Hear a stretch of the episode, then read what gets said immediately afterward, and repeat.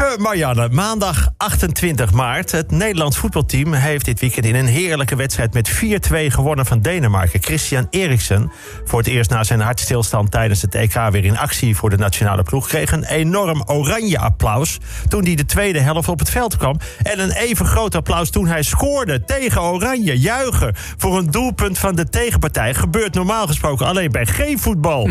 Iedereen blij met elkaar, elkaar iets gunnen. Het was daarom natuurlijk nog mooier geweest als Eriksen ook nog een schitterend eigen doelpunt had gemaakt. Zeg ik, ja, is gemiste kans. En erg egoïstisch van Christian Eriksen. Zeg erbij is een grapje voordat mevrouw Eriksen mij een klap voor mijn bek komt geven. Max Verstappen heeft op spectaculaire wijze de Grand Prix van Saoedi-Arabië gewonnen. Het leek eerder in het weekend dat hij er als een raket vandoor ging. Maar het was echt een raket die 10 kilometer van het circuit een olieraffinaderij in een enorme brand zette. Maar de sport zoals jullie weten, gaat altijd door. Bij die kwalificaties knalde Mickey Schumacher met een gigasnelheid op een muur. Hij werd met een heli naar het ziekenhuis gebracht en daar werd vastgesteld dat hij niets mankeerde. Hoe dan? Na zo'n klap. Ik ben wel eens op de fiets met een snelheid van 3,8 km per uur op een dun paaltje gereden en mijn arm op twee plaatsen gebroken. Ik heb een keer een hernia gekregen bij mijn veterstrikken. Ben flauw gevallen door een pink uit de kom bij volleyballen met een strandbal. Kortom, dat is allemaal een stuk gevaarlijker dan Formule 1. Want jullie weten, ik ben beslist geen aansteller.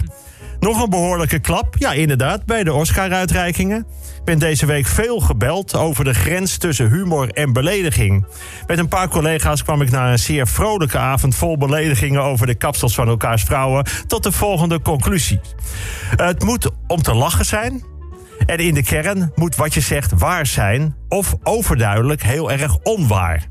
Dus een beledigende grap kan grappig zijn als die gebaseerd is op iets waars, op iets liefs op overduidelijke overdrijving of totale onzin. En, en, en moet gemaakt worden door iemand die weet waar hij over praat. Om een echte goede grap over iemand te maken, moet je dus wel op de hoogte zijn en je enigszins hebben verdiept in de achtergronden van degene die je beledigt.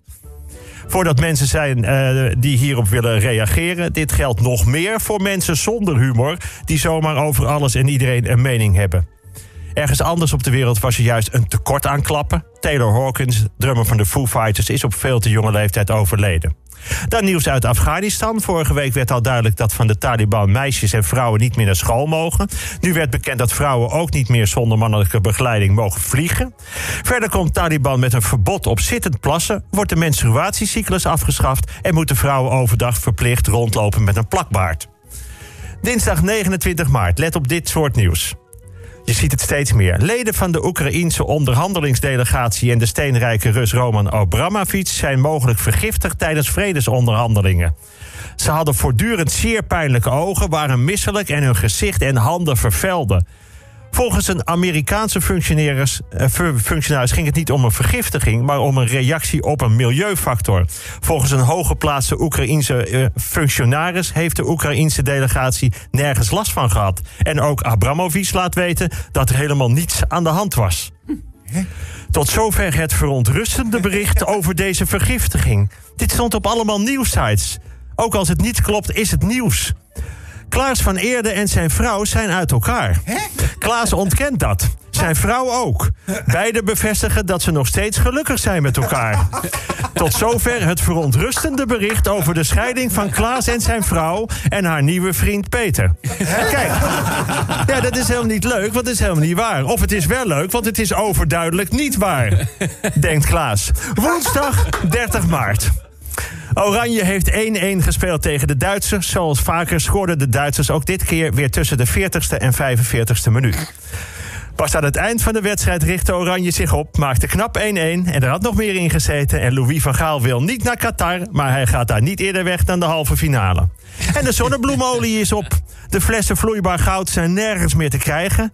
Producten waar normaal gesproken zonnebloemolie in zit, hebben er ook mee te maken. Dat wordt namelijk nu allemaal gemaakt zonder die olie. Maar zo blijkt, de etiketten kunnen niet binnen een half jaar worden aangepast. Dus wat er beloofd wordt, zit er niet in. Maar het staat er wel op. Net als bij de meeste Tinder-profielen. Opnames van het vervolg van de kinderen van Ruinerwold zijn stilgelegd. Een deel van de hoofdrolspelers is ondergedoken. Ja, dat is niet leuk, want het gaat duidelijk voorbij aan eerder ervaren verdriet. Snap je? Zo werkt het. Als het aan veel grote steden in Nederland ligt, komt er een verbod op brood aan eendjes voeren. Het brood dat blijft liggen trekt namelijk ook ratten aan. Veel vaders en moeders en opa's en oma's vinden dit jammer. Het is zo leuk om met de kinderen de eendjes te voeren. Sommigen vragen zich af hoe ze dan de ene moeten lokken om in de pan te gooien. Maar bij mij in de buurt hebben we het al jaren anders aangepakt. Het is een kwestie van omdenken. Wij zeggen tegen de kleine kinderen: neem extra brood mee. Gaan we lekker de ratten voeren. Punt is wel dat het brood blijft liggen. Dat blijft liggen trekt ook gevluchte Oekraïners aan. En we hebben we ook aangepakt, zeggen we tegen de kleine kinderen. Geef dat nou maar aan die meneer en die mevrouw. En vraag wat ze nog meer nodig hebben van ons. Donderdag 31 maart. Uit onderzoek blijkt dat mensen die opgroeien in de stad een slechter richtingsgevoel hebben dan mensen die opgroeien op het platteland. Uit een ander onderzoek blijkt dat kinderen die een lange kruipperiode hebben, later een beter richtingsgevoel hebben dan kinderen die nauwelijks hebben gekropen. Dat ik twijfel aan beide onderzoeken bepaal ik op het gegeven dat mijn vrouw is opgegroeid op het platteland en heel lang heeft gekropen.